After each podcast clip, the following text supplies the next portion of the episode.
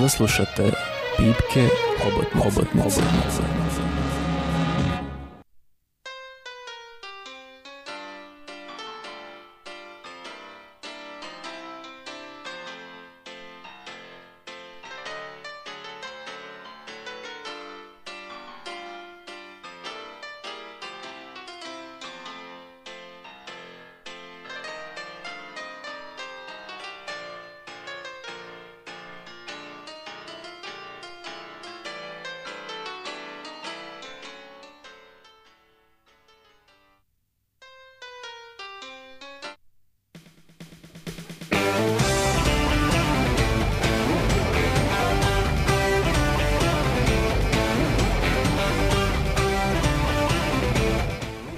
poštovani pipkasti fanovi, sa vama u studiju su još jedne nedelje Pipci Hobotnice, vi plovite na studentskom radiju Krš. E, ovo je jedna od prezadnjih emisija što se tiče ove sezone. E, Danilo, o čemu ćemo danas govoriti? A, pričamo o filmu In This Corner of the World Sunao Katapučija Ovaj, trenutno slijedi jedna teška emotivna epizoda od strane mene jer mi je film veoma teško pao, tako da gledamo se i slušamo se i gledamo posle veoma kratke muzičke pauze. Stay tuned, pipci hobotnice, Radio Krš.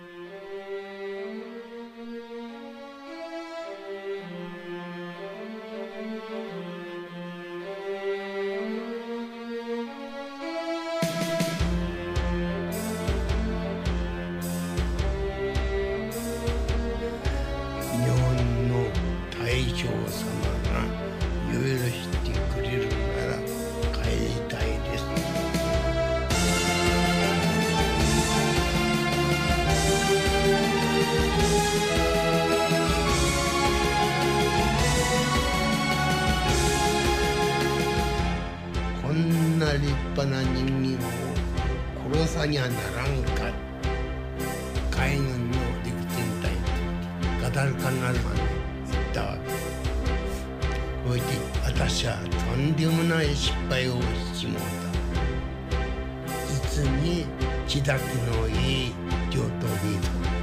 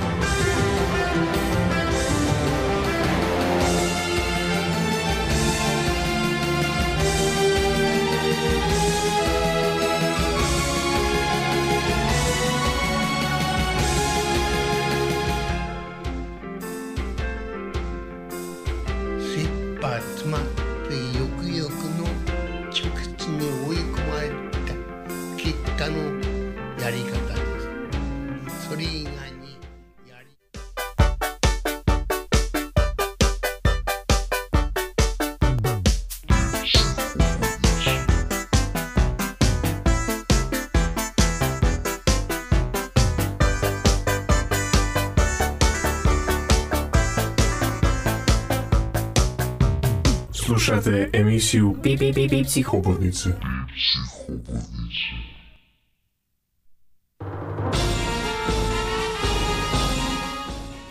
I poštovani slušalci, trenutno i gledaoci, vi ste sa nama na studentskom radiju Krš, e, slušate emisiju Pipci Hobotnici, kao što je Dano rekao, danas ćemo govoriti o Sunao Katabuchiju i o animeu In this Corner of the World. Ovaj, moje neko iskustvo s ovim, prvo sam pokušao da vidim šta je umjetnik još radio, da li koja su stvari još njegova ovaj, filmska ostvarenja.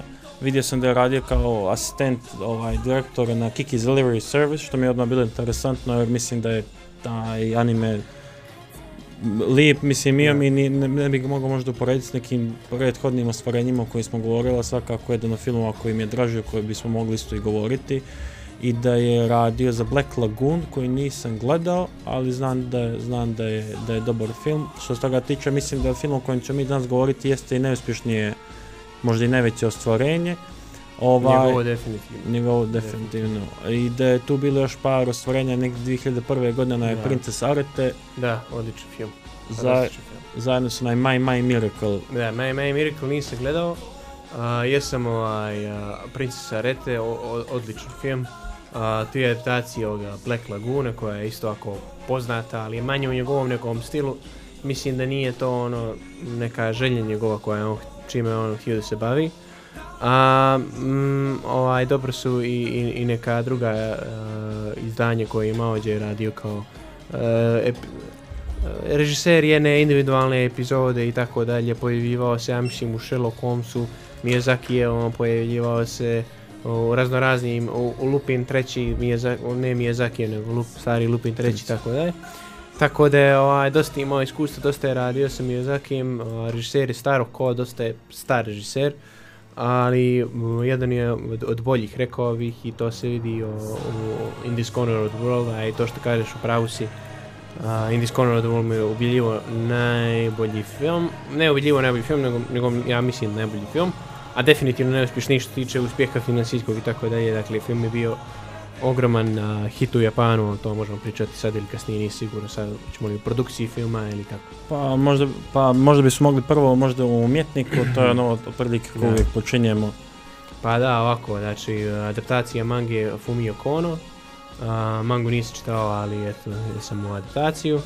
A, Sunao Katabuchi, već smo pomenuli, poznati režiser koji je radio dosta nekih stvari.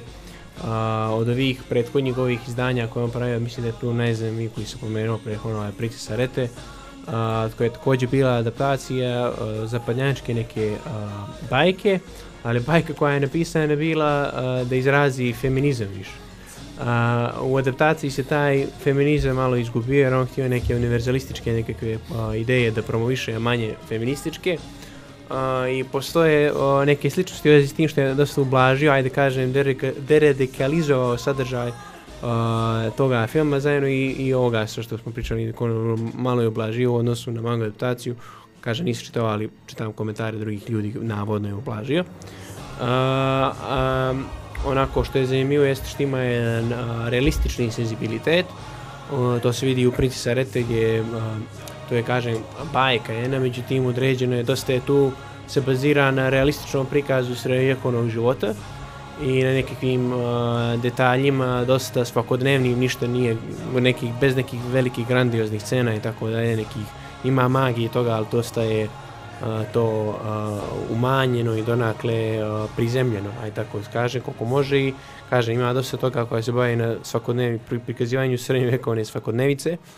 A, to je vidljivo i u In Corner of the World, taj neki realizam, neki realistični pristup. A, I ostaje a, donekle vjeran uvijek duhu adaptacijama, duhu originala koje adaptira i to se prepoznaje ovdje Black Lagoon i In Corner of the World. A, kažem, dosta onako a, režiser starog kova čovjek koji ne gleda dosta anime, na primjer, nego se više bazira i gleda a, ovaj, live action, ugrane filmove, ajde Da, da. I tako dalje i tu je donekle neki senzibilitet koji još te nije povezan sa animeom, anime kulturom, nego ako eto, to. A vidio sam da je Sam live action radi, radi jedan dokumentarni film kad Da. sam učitao biografiju Da, ne, i nešto radi na španskom po deblju, jer sam vidio Mhm. da ima neki film na španskom.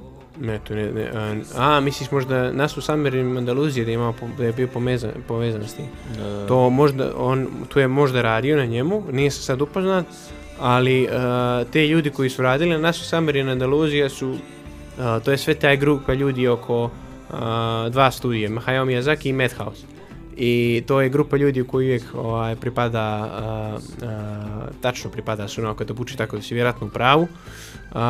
Ovaj, što je zanimljivo jeste što je dva filma koje on odradio, odradio je jedan u Madhouse studiju, to je My My Miracle, ovaj In This Corner of the World je Mappa studio. All the famous studios, bitches. Ja, ja, ali to je sve uh, pod jednim istim producentom Masao Murayama. Uh, tako da je to sve pod patronatom njegovim uh, je to odrađeno. Uh, njegov, njegov veliki drug Masao Murayama inače ratno zajedno sa Toshio Suzuki i Ghiblija je najbolji, najprepoznatiji producent anime filmova koji postoji. Dakle, on je glavni što ga tiče producent, dosta tako prepoznato lice. Osnovao je Mappa Studio, radio nekoliko godina, završio je In this Corner of the World i poslije toga je dao, ovaj, povukao se uh, i penzionisao. I onda je osnovao novi studio ponovo, mada nije slabo išta radio na tome studiju. Tako da eto vidit ćemo, ovaj, ali to je čovjek koji ima dosta poznanika, koji može dosta usluga neki da izvrši, što je objasnio kako je uh, ovaj film financiran uopšte. A, što tiče same produkcije filma, o tome je isto pričao, znači počeo je 2012. se pravi, ja sjećam dana kad je objavljen, inače sam dugo pratio ovaj projekat i onda je završen neđe bio 2016. Uh, priča je, stvarno o tome je pričao animator Satellite, mislim se zove Thomas Roman, uh, da je režiser jedno vrijeme uh, na doručku preživljavao kako bi financirao film. Dakle da nije, dakle da je jedva živio uh, ovaj, uh, kako bi završio film, kako bi ga ekranizovao. Uh, tako da je imao dosta poteškoća u proizvodnji. Počelo je sve se Kickstarter su ovaj Kampanju na kako, Kickstarter jeste, dosta su toga kako bi bio finansiran film i tako dalje. Napravi, na kraju napravio jednu kratku verziju zbog toga što je film bio toliko uspješan. Sad su u 2019. su napravili dugu verziju sa dodatnih 30 minuta.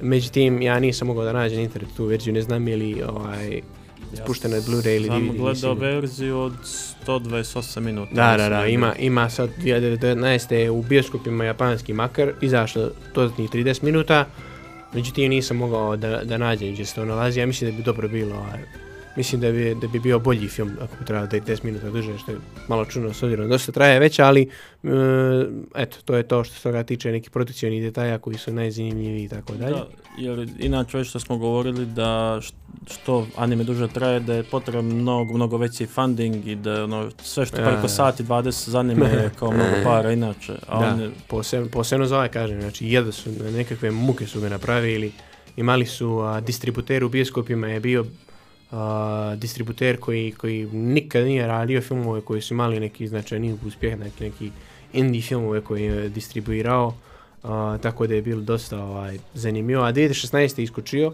i to je vjerojatno jel, najbolja godina za anime filmove svih vremena. Kaže, najbolja godina je, te godine je iskočio Your Name, koji je bio, koji je do, do prije dva, tri mjeseca bio, nije top mnogo više, jeste bio naj, najpopularniji anime film svih vremena. Uh, to jest najviše uspjeha imao na, na, u bioskopima Posle japanskim. Black Bible. poslije Black Bible, jest. Uh, I ovaj, poslije Spirited Away, čisto neko da ne misli da je Black Bible uništio, svaki slučaj. Uh, i, ovaj, I onda je uh, iskočio ovaj film koji je dobio 2 milijarde japanskih jena, što je oko 20 miliona dolara, ja mislim, što je fantastično. Znači svaki, evo, uh, shortcut, evo neka, pre, znači svaki film koji 10 miliona dosegne u Japanu, 10 miliona američkih dolara je hit. Zvanično je to veliki hit. Ovaj dosegao 20, dakle, bio je baš solidan hit i niko nije očekivao da će uopšte dosegne takav status. Međutim, svi su preko 65 plus su išli ovaj, da gledaju film, znači kao vakcinacija otprilike, tako su nešto i kao red za vakcinaciju, tako su išli na ovaj film. Uh, dosta starijih ljudi, što je atipično za anime također gleda. Uglavnom je starija publika bila uh, zainteresovana za film, što je dosta atipično za anime, jel?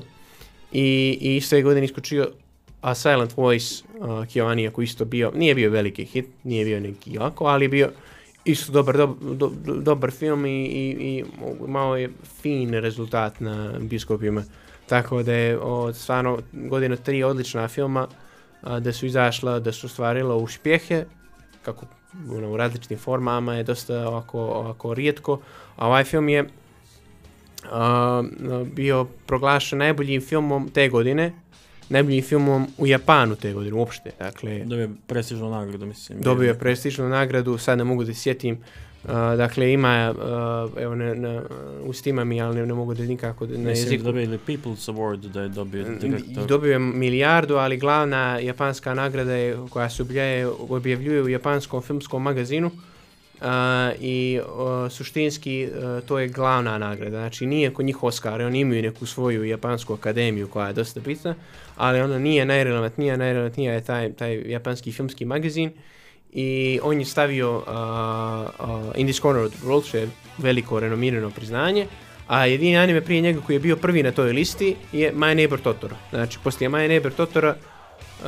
oni smatrali da je, da je ovo jedini film koji je bio vrijedan da bude proglašen za najbolji film. Kinema Jumpo. Jest, jest, jest. Kinema Jumpo, jest. To je, to je, to je glavni uh, ovako što si našao. Uh, tako da je to eto dosta je, um, renomiran Je. Ovaj anime. Da, i mislim da sad da je ovo super poveznica za uvod u priču, možda ćemo moguće spojlati, ovaj, ali Mora se malo, jel? mora se malo, jebi ga, ali e, zašto stvari publika 60, zašto Mm. publika 60 plus, mislim Mhm. da je stvari ono najtraumatičnije vrijeme za ljude Da. koji su, naravno plot se zasniva na go, od 33. godine do 45. Mhm. Naravno svi znam da se u Japanu desilo ne dvije najgore katastrofe ili te dvije atomske bombe. Ovaj, meni je interesantno kako čak i kroz Dvije sliku... najgore katastrofe, a treća je anime. Je. Treći je hentai. Ovaj, kako u stvari, interesantno je bilo da posmatram i kroz Grave of the Fireflies i kroz ovaj Da. film s obzirom da dijele istu tematiku, na koji način percipiraju karakteri, to jest na koji način Mhm. animator percipira tadašnje karaktere, da u stvari oni su kao ti koji vode rat i to je kao cool. I onda kad izgube ono, kad je moguće, kao je moguće ste se predali. Da, ono, kao, da, da. i mislim, jedna Mhm. rečenica koja me puno zainteresovala bila na kraju kad ona kaže ono kao nećemo silom da nas neko prisili kao da prestanemo na rat. Tako je neka bila rečenica koju ona, koju ona izgovara koja je bila ono kao ono brate ali vi ste ono kao Monđure ono stalo, dobro nema veze. Ali mene Dobro, ovaj, okej, razgovarat ćemo o tome kasnije. Da, da, ali mene film svakako epohu je veoma lipo prikazao uh, i što se tiče filma kao generalno, znači van plota imao sam jedan roller coaster emocija jer sam sve mislio da će da film da bude cheesy, znači da Da. sam ono kao znam što će završiti, ništa nisam znao na kraju, no, ono kao na svaki onaj naredni korak koji sam mislio sad će to se desiti, to se nije desilo, to je bilo zašto mi se film najviše svidio, ono kao totalno je bio nepredvidiv do kraja, kao nisam ništa mogao da zaključim unaprijed, da Da, ono da, kao da. logično, e, ništa toga ne desilo, masu Mhm. plot twistova koje nisam očekivao i država me na ivici do kraja, ono, do samog kraja. U, s tim slažem, dakle, ovaj, ne prati neke, aj kažem, neke narativne tokove, nema neke šablone, sad samo je neki, kažem, realistični prikaz a, života u tom periodu u Japanu, dosta realan, a, nema nekog romantiziranja sad pretjeranog, nema nekog a, melodrame, ako dosta je, opet koristi taj prije, prizemljen, aj tako kaže, neki prikaz života. A, što tiče nekog stava, um, ja mislim da između ovoga i Grave Fireflies postoji razlika što tiče stavu prema ratu. Uh, ono što je smiješno jeste što nije, što je i Sao Takahata koji je napravio Gra- Grave of the Fireflies Ghiblija, uh, nikad nije namjeravao da to bude pacifistički neki film, dakle nekom o, o potrebi mira i tako dalje, nego je imao film uh, nego je htio da kaže, uh, da iskaže mlađe generacije koliko su uh, nezahvalne donekle i koliko, uh, jer nisu preživljavale ono što su preživljavale uh, starije generacije, koliko nisu prošle kroz sve te muke i tako da i htio samo da ilustruje te muke. Nije imao neki pacifistički zadatak, a mislim da je ovaj film mnogo više, uh, što se tiče nekih razlika u tom pitanju rata, mnogo više kritičniji zapravo prema Japanu i tako dalje. Dakle, ona jeste rezignirana ono što, kao, kako je moguće da su odustali ovo, i tako dalje. Međutim, uh, kad je kraj rata, da je ona rezignirana činjenicom da su se odustali od rata, kako su kukavici i tako dalje. Kao, kaže, kao, evo, tu smo ja, ti, on, on, nas je petoro, mi nismo odustali. Ali odmah poslije toga ima kao nervni slom i onda kao u suštini uh, shvati da je pozicija pogrešna. Uh, ono što se rekao, što se ja rekao da, da mm, film deradikalizuje, deradikalizuje, evo me ne mogu ukapiti, uh, što, što uh, deradikalizuje poruku mange, jeste što se maknuta iz filma scena u mangi gdje se pali korejska zastava i gdje a, kada ova karakterkinja vidi kako pale korejsku zastavu shvata da su oni što je njima rađeno su oni radili nekome drugom i da su oni jednako loši koliko su drugi i to je eksplicitno saopšteno u filmu. Ovako u filmu jasna je, ja mislim, poruka da je, ok, ne treba ratovat loše, a, nego, a, a, nego jednostavno to je jasno, međutim nije toliko eksplicitno i nije toliko izrečito po tom pitanju kao što je na primjer a, manga, što je meni žao. A, ne znam u ovoj verziji dugove koje nismo mogli da vidimo, probat ću da je nađem. Probat ću baš da je nađem. Ima li te scene ili ona vraćena, to mi je žao stvarno što je... Što je, što je Ne, ovaj film svakako treba gledati i više puta jer mislim da ono nosi Ma, više ja, do, do, lijepe poruke, duboke i a, sviđa mi se kogod da je naravno, da, s obzirom da je rađenom po mangi i da je režiser uspio da super prikaže, na primjer, odsutnost emocija kod glavnog lika gdje Ja, glavnom liku umiru brat, majka, e, tata, umire dijete, ne znam, koje on vodi za ruku, Mhm. gdje one, one samo ima jedan trenutak emocije Ok, okay, ovo, za nje je bilo baš malo preveliki spoiler, moram ću reći, ali umrlo, umrlo je dijete. Recimo, E, ovaj, gdje ona kao sestra se obstavlja i kao slušaj, ono, kao nisi otac imam, ali umrli su majka i tata, kao, i ona, i ona kao, e, kao, Pa- i kao, milo mi je što mi je brat umro, bile strikna je bio rečenica, scena, I- jeste, I'm glad that my brother died. Dobro, jer je brat ovaj, maltretirao kad je bio Je. mlađi. Možda je mala kritika filmu, što nisu previše dalje ilustrovali taj odnos a, sa bratom, jer ono jasno je na početku da je maltretira i da, je- da ne voli njega i tako dalje pretjerano.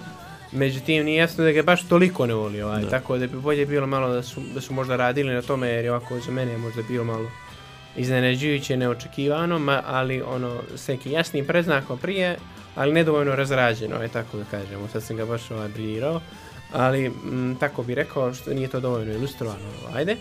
Uh, Pravo si, znači, dosta je realno i, i, ovo, što, i ovo što smo prethodno rekli što je rekla za ratalo, ajmo zašto nećemo dalje da ratujemo, to je sve realni neki prikaz, tako su se ljudi u tom periodu sjećali, ono, da, se, da je neko kre, da, je- da je krenula sad nekakve pacifističke stave o jednom iznenada dili, mislim da bi bilo ovaj, dosta a, neprikladno s obzirom znajući taj period i kako se tamo sve što se dešavalo i kako je bile obrazovanje i tako dalje. I uvijek je, a, a, ovo jeste neki, baš je intiman prikaz života ove žene i, i ovako dosta je psihološki kompleksan i raznorazni su incidenti prisutni u filmu koji oslikavaju neku dubinu njene, njene psihe i tako da Mislim da je u tom smislu jedan jako, jako zanimljivo ovaj, film. Da. što je.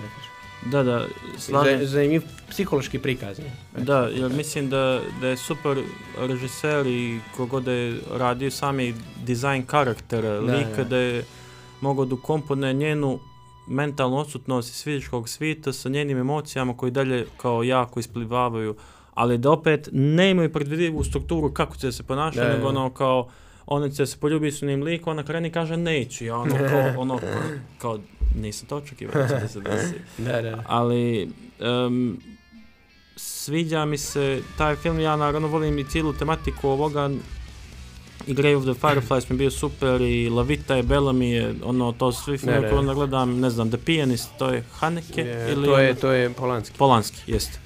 To svi filmi koje prilike bi ja mogu da povežem, imaju mi jednu nit i to je ono što Ne, mi ne. sviđa. Volio bih, na primjer, da vidim film koji se dešava u Manđuri, nešto Mhm. na, na temu onoga Ne. pijanista u Manđuri, to Anime bilo- film. Anime film, to bi kao bilo... ono- Never made. Never made. hmm, why? Ali, svakako... Bro, što znam, bro. Bili je luđi stvari, no? Misliš, a?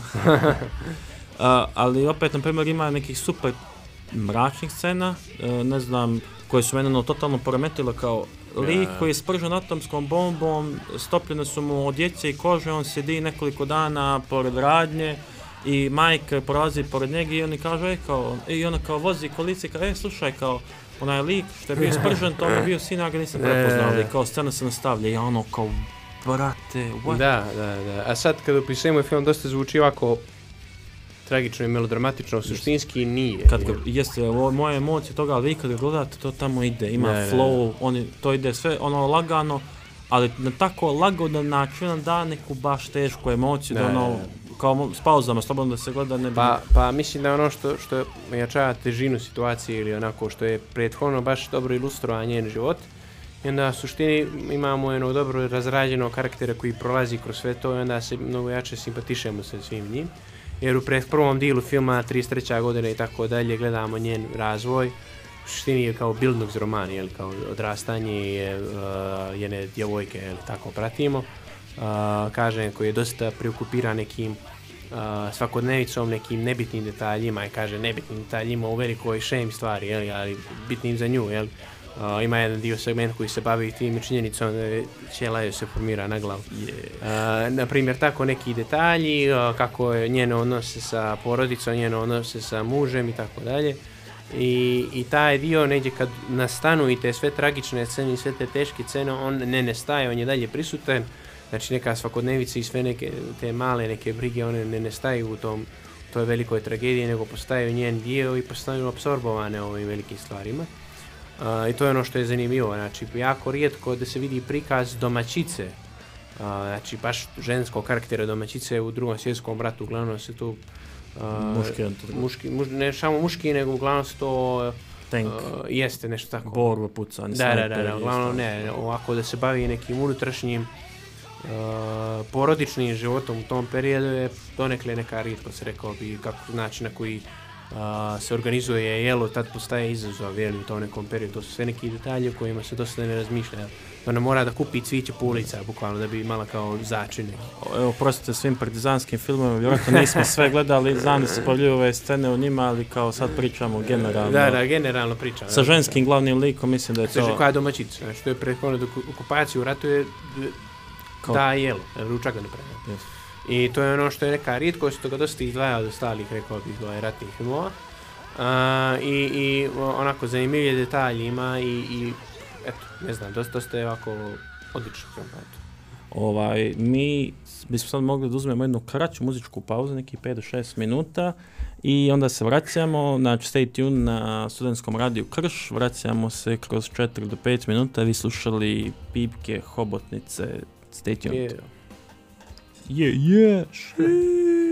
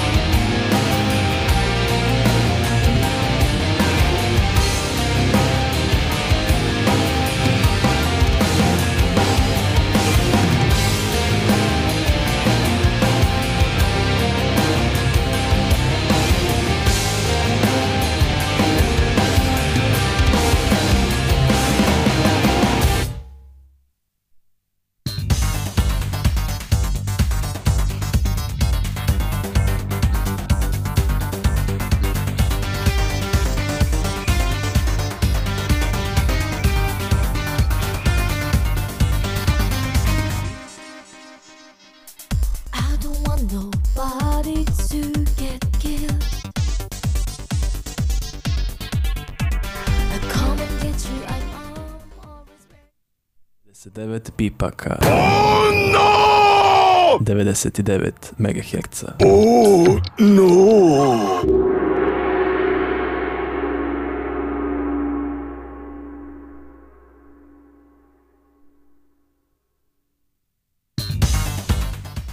Mos Mos i psihobotnice sa vama na 99 MHz.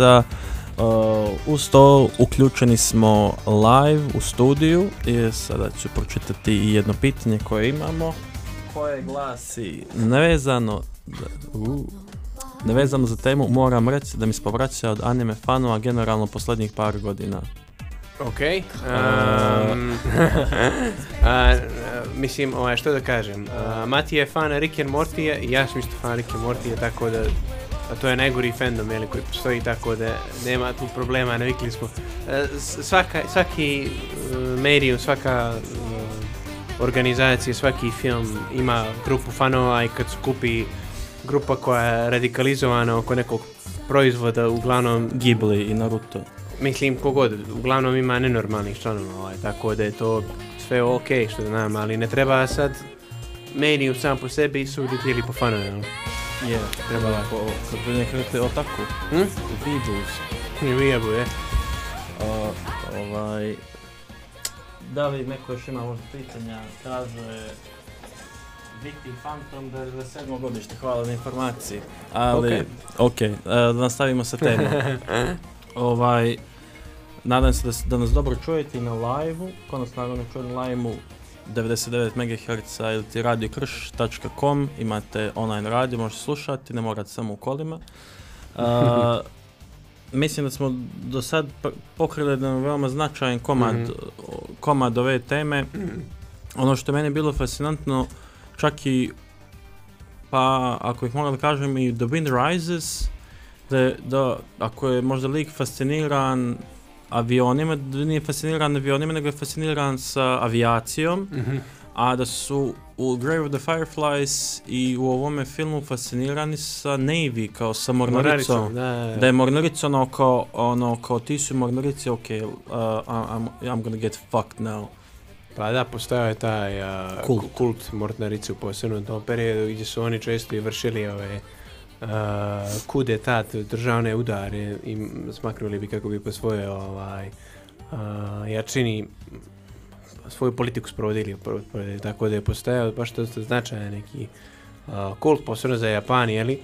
A, posebno još za taj kult posebno je poznat ovaj Yamato brod koji je napravljen, koji se pojavljuje Uh, u filmu ima anime, uh, science fiction, uh, Uchu Senkan Yamato, jeli, kao spaceship Yamato, uh, svemirska je verzija isto koja je napravljena i, i, i teško je sad, ponekad se uzme, ovo je sad nevezano za diskusiju, ali pošto već pomenuo, na primjer, taj spaceship Yamato, uh, je li to glorifikacija toga ratnog broda Yamate ili je to nešto drugo, to su uvijek neke česte diskusije u koje su prisutne u Japanu, a, međutim, tamo postoji jedan dio jeli, military uh, otakova, kako zove, znači vojnih otakova, a, koji vole tu vojnu opremu, iako ne naročito ne vole rat sam po sebi, a, tako da ne mora, ne znači, hoću reći, ovaj, ali svakako i dalje je prisutan a, fascinacija, makar fascinacija tim nekim proizvedenim ratnim oružjem u tom periodu i tako dalje. Da, i to mi je bilo fascinantno što su i u Grave of the Fireflies sa ovim što si ti spomenuo da su znali kao imena brodova, kao oh no, Da, da, i onda kao ime broda on je potonuo, kao ne. Da Ne, ovaj, ne. To im je ponosbi, pa da, pa to im je ponosbi, oni su ovaj, uh, predstavljeni kao proizvodi japanske nacije, savršeni, ne mogu nikako da izgube rat. Mislili stvarno za Yamato da je brod brodova se. I mislili stvarno da je ono kao Titanic, slično nešto tako, jer ne može da potone. Koliko se ja sjećam, na jednom predavanju mislim da smo ga zajedno slušali da su Amerikanci njih Mhm. naguzili jer su im provalili tajnu komunikaciju i da lik koji je tad vodio bio Kaj, sin od Aha, admirala, pa je poveo neđe iznad Filipina, bio je brodovi, oni su ga sabili Ok. onda. I- izgubili masu faktora, a sad baš ne bi, ne bi se, mislim, nije, nik nisu imali šans. Japan nije, nije imao tu ekonomiju nikad je, znači mm, Amerike nikad tu nije bilo neko prostor. Što je također ovaj, prikazano u filmu gdje ima scena. Ja kaže, e, sad imamo 5000, naš avion ima 5000, ide na 5000 konjskih snaga, Yes. a koliko idu njihovi. I to je samo zaboravljen taj detalj, isto je zanimljiva scena. Uh, antiratnija, donekle antiratna, ovako koja je rečenica. Uh, ono što se pomenuo isto da je realizam prethodni režiserov, ako bi to moglo ne kaže sekund. Uh, dvije stvari da povedem, znači realizam uh, sami koji je režiser prisutan i činjenica da se ovi što smo rekli ljudi 65 pl- pet plus išli masovno da gledaju ovaj film. A, po čega je to dijelom i od toga što je uh, prikaz Hokaida, o, ne Hokaida, nego Hirošime koji mi imamo, koji se vidi na filmu je ratno uh, poslije drugog svjetskog rata najrealističniji prikaz Hirošime prije rata ikad. Uh, jer u pitanju je čovjek je uh, intervjuisao, znači pošto u Japanu tamo svi žive 120 godina ovaj, prosječno, a, on je uh, režiser, šalim se naravno, ali on je uh, intervjuisao ljude koji su živjeli u Hokkaidu uh, u tom periodu koliko je god mogao i koristio je na primjer također vazdušne slike prikaza uh, Hirošime, ja stalno kažem Hokkaido, ne znam zašto Hirošime, uh, kako bi uh, odredio na primjer uh, uh, veličinu prodavnica koje će da stoje u pozadini i tako dalje.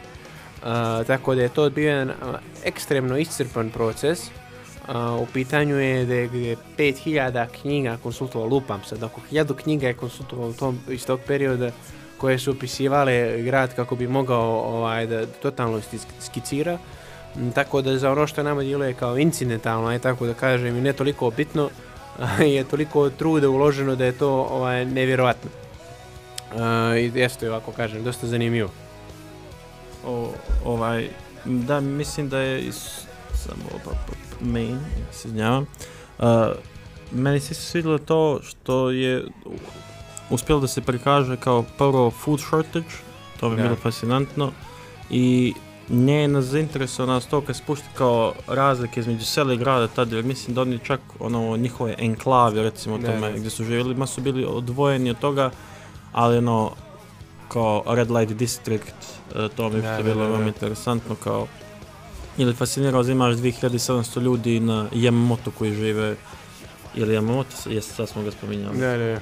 Ovaj, ali ono što je mene najviše fasciniralo kasnije sem, sem plota je što je uh, režiser uspio super da ukomponuje moment taj koji stvari anime ovaj čini Mhm. kao anime, taj magični moment A, da, da, da. slik, uh, uspio da inkorporira umjetnost kao slikanje koje mislim da kogod, je, kogod da mu je radio samo slikanje kao djetete u tome periodu da je bilo fascinantno i da moment kad na primjer se dešava bombardovanje gdje ona slika kao stvarno možete da vidite kao slike vodene boje tempere su bili u pitanju recimo Da, da, da. Gdje se dešava taj moment jako onaj kao teški moment rata, bombardovanje svega se prikazuje A. kroz Pa jedna od tema, rekao bi, filma je ta neka isprepletanost neke mašte i kreativnosti u, u kontekstu uh, drugog svjetskog rata. Uh, suštinski uh, dosta je, pošto je karakter je ovako malo izgubljen, aj tako da kažem, e, airhead što bi rekli na engleskom, jeli? A- pothead. malo je ovako izgubljena, je malo ovako uh, u beut, što bi rekli. I, i, i e, često u nekim momentima a, mašta a, na filmu preuzme totalno a, a, dešavanja, jeli? I e, sam gledalac ne zna je li, je li se dešava u mašti ili realnosti i tako dalje i to je pored te doze realizma koji su prethodno upisali e, predstavlja, a to su neki lirski momenti u ovome filmu koji su dosta ovako zanimljivi. Dakle, ima ona scena sa bombardovanjem gdje onda počinje to a, gdje ste a, a, tim koji se pravi od tih bombi kasnije postane skoro kao, kao boje Vatrom. jeste kao postaje kao neke boje na platnu i tako dalje i to su neki momenti gdje taj lirični izraz preovladava i što je onako dosta čudno i onda je, to što kažeš, uspješno je kombinovano taj surovi realizam zajedno s ovim liričnim momentima. I to je dosta je zanimljivo u najtraumatičnijoj poenti filmu, u najtamnijoj trenutku filma tokom smrti jednog karaktera koji je bio povezan sa glavnim karakterom, znam ću reći, Brat tetke. gdje, gdje mm, ima jedna scena gdje e, očaja karaktera koji žali što nije drugačije pošlo i to je prikazano sve nekim malim, sitnim tačkama po crnom platnu koje se sudariju, koje idu tako dalje. A, dosta a, strašno, ako trenutak posjeća, ako neko zna Stan Breakage i tako neke filmove njegove kratke. I, i dosta je zanimljiv također moment, jako zanimljiv, jako emotivno. Mislim da, da ta abstrakcija koju si ti sad opisao sa da. te otprilike crnom i sa bilom bojom gdje se dešava crtanje, da je Da. predstavljeno fenomenalan ne Da. kreativni nego umjetnik, da to je stvarno je pravi umjetnički moment na filmu gdje se vidi Upravo. kao režiserska režiserski iskaz. Da, da, da. I tu i, i, i samo bombardovanje Hirošime je dosta zanimljivo, jer karakter ne boravi u Hirošimi, boravi u Kureo koji je, pogledao sam internetu, 22 km udaljen od Hirošime. Ali iz Hirošime. Jeste, jeste. I, i ima jedna scena da je, da je uh, bombardovane, samo je trenutak jedna, jedna tačka Yeah. bijelog. Isto također, pošto, pošto mi znamo, karakteri u tom trenutku ne reaguju uh, s obzirom na, na težinu situacije, ali, ali pošto mi znamo i onda uh, što se dešava, je li ono, da ta, ta, to dosta daje na nekom iskazu također, rekao bih, dosta ovako teško za gledanje u tom trenutku, je, tako da ima stvarno tih zanimljivih režiserskih momenata poput toga koji su, koji uh, oduševljavaju, ja bih rekao, ajde. Da, mi- mislim da smo sa ovime isto zaokružili taj dio priče koji nije samo se ne zasniva da priča nije dobro zbog plota I zbog samog scenarija, nego da ima i taj umjetnički moment koji kasnije da. oko koga se možda i vrti Mhm. ljubavni dio priče i ljubavni dio Jest, plota mislim da se uvijek ljubavni dio je jako zanimljiv također. da se vrt... Pa mislim da je stvari svakako Ma dosta zanimljivih dijelova. A, to sam vidjela. E. Da, ali sad, sad onda razmišljam ako je film trajao, znači dva sata i osam minuta, kako se ja sad sjećam, a, ako ima još pola sata, to bih volio da gledam Da, jer, i da pročitam mangu, ali jedina stvar koja bi bila moja kritika za film, da je kraj prebrzo urađen, zadnjih Da, desetak minuta, ne desetak, nego sa onim djetetom, Da, da, da. na kraju meni je totalno nejasan. Da, jasno, kao- jasno, jasno. Ima- On, ima ja kapiram poentu, ali su otvorili vrata koja nije su cliffhanger, koja neće meni sad predstaviti nešto krucijalni dio priče, Da, jer ni- nikad nije bilo priče o tome. Samo su otvorili vrata za neku, otvorili su neku temu i samo su je kao tako ostavili, Pa- a ne igra značajnu ulogu nešto. Pa dobro, ja, ja se konkretno ne bih složio baš sa krajem, ali ima dosta dijelova koji su slični tome, rekao bih, jer je adaptirano je mangi i onda su, a, posebno početak je prvo dosta epizodičan, što je meni ok, jer znači bazirano je na mangi koja računam, ako nisi čitao, ali mogu da pretpostaviti da je imala a, poglavlja neke individualne epizode, koje nisu kao cijeline adaptirani a, u animeu, nego samo su da, da, kako kažem, insertovani. malo ne izgleda da je ujedinjeno nešto s pričom, ako neko možda shvati. U drugom dijelu mi više ovako unifikovano djeluje. A, to moja nije kritika, nego samo obzervacija. A, ono što može jeste kritika jeste što je, ima dosta tu detalja narativnih koji su čisto na brzinu kondenzovani, rekao bih iz mange, jer možda nisu imali vremena.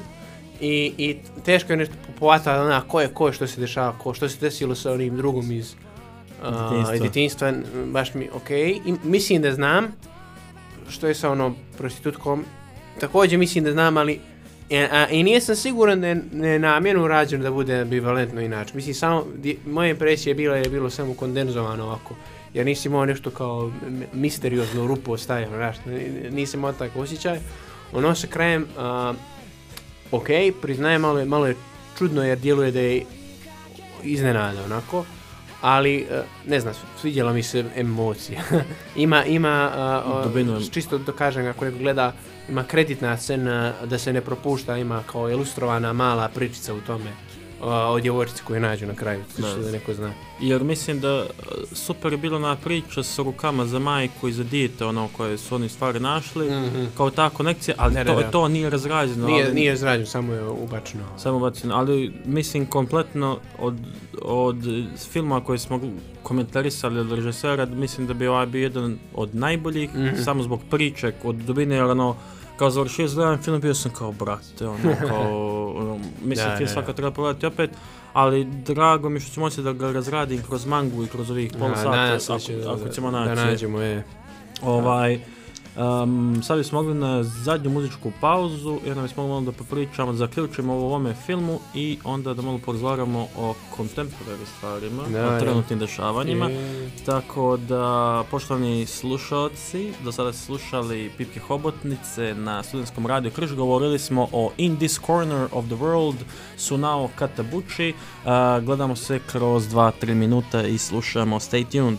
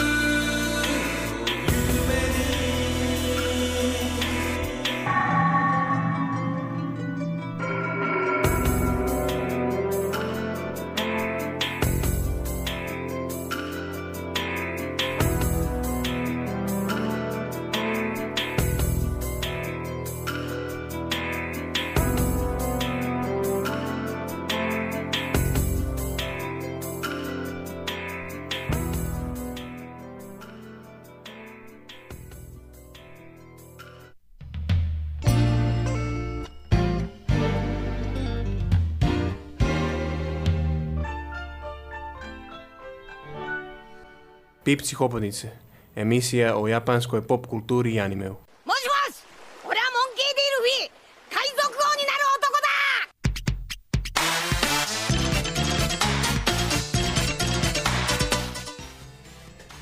pipci, e, Pipka Stefanović, bližimo se kraju emisije, ovaj, evo imali smo jedno pitanje od našeg e, najvećeg fana, Marko Maraš, pozdrav Je. za Marka, Marko nas prati od početka emisije. Seljak.mail, tako. je, ovim putem sajt. svi idite na seljak.me, možda i najkorisniji sajt u Crnoj Gori koji se možda bavi socijalnim preduzetništvom, što je onaj moment koji treba ljudima.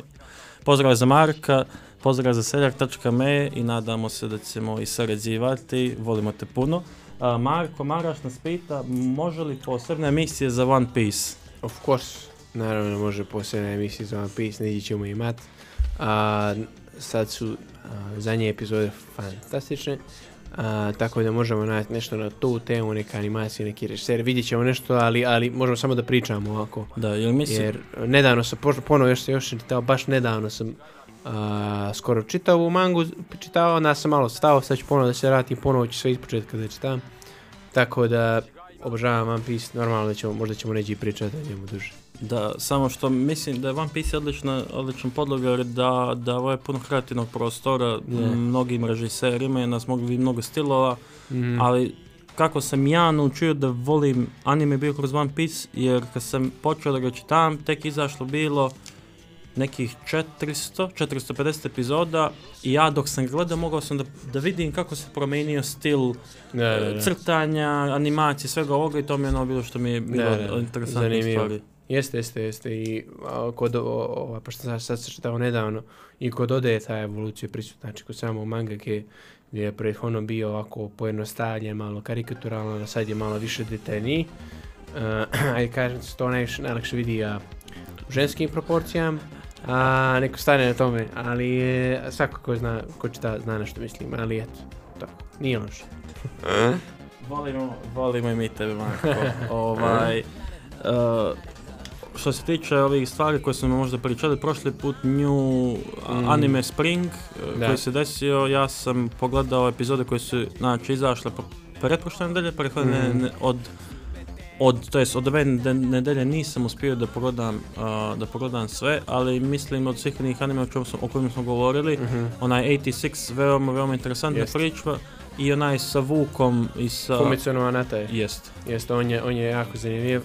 Imao je odličnu epizodu. Uh, Tokyo Revengers također ima odličan materijal. Uh, Megalobox ima odlične epizode kasnije. Uh, jako zanimljivo. Dobro, do- odlična sezona. Je, odlična sezona. Tako da, da, ali Tokyo, meni su glavni Tokyo Revengers i Fumetsu Onate, to su glavni koji gledam.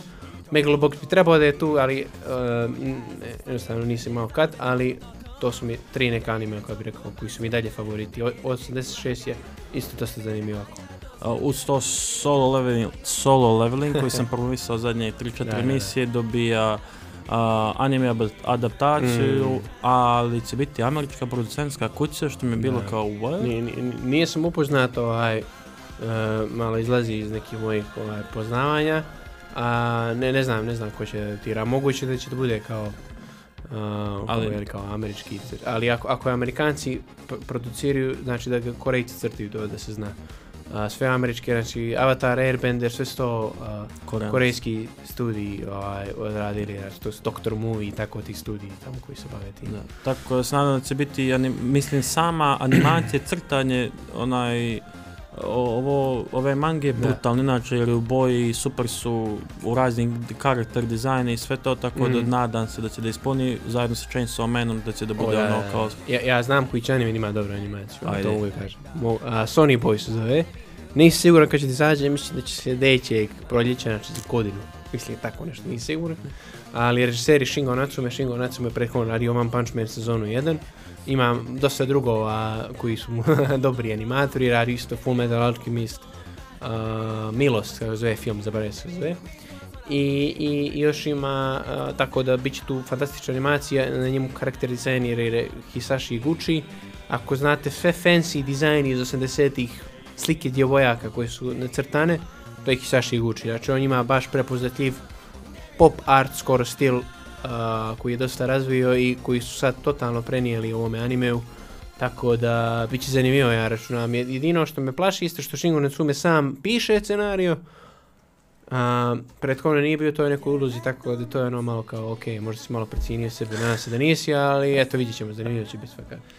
Ovaj, poštovani slušalci, to je bilo sve za danas. Danas smo imali jednu veoma interesantnu temu. Nadam se da smo zainteresili sve za, da pogledate film In This Corner of the World od Sunao Katabuchija, a, koji pokriva jednu veoma interesantnu temu. Naravno, zahvaljujemo se svim našim fanovima što su nas slušali i preko radio platforme i na Instagram live-u. Ovaj, slušamo se za dvije nedelje i gdje ćemo poslije toga preći na mod jednom mjesečno tokom ljetne sezone, a onda vam donosimo neke nove radnosti, neka nova iznenađenja. Uh, to je bilo sve za danas. Stay tuned na 99 MHz i ako želite da kupujete poljoprivredna dobra, idite na seljak.me. Ovaj, uh, Power, je, Zeta. za- ovaj, e, slušamo se za dvije nedelje, nadam se da se gledamo, da ćemo uspjeti i da razminemo čašice sake, a e, to je bilo sve za danas, stay tuned, 99 MHz FM stereo, je, šalim se, ćao, ćao.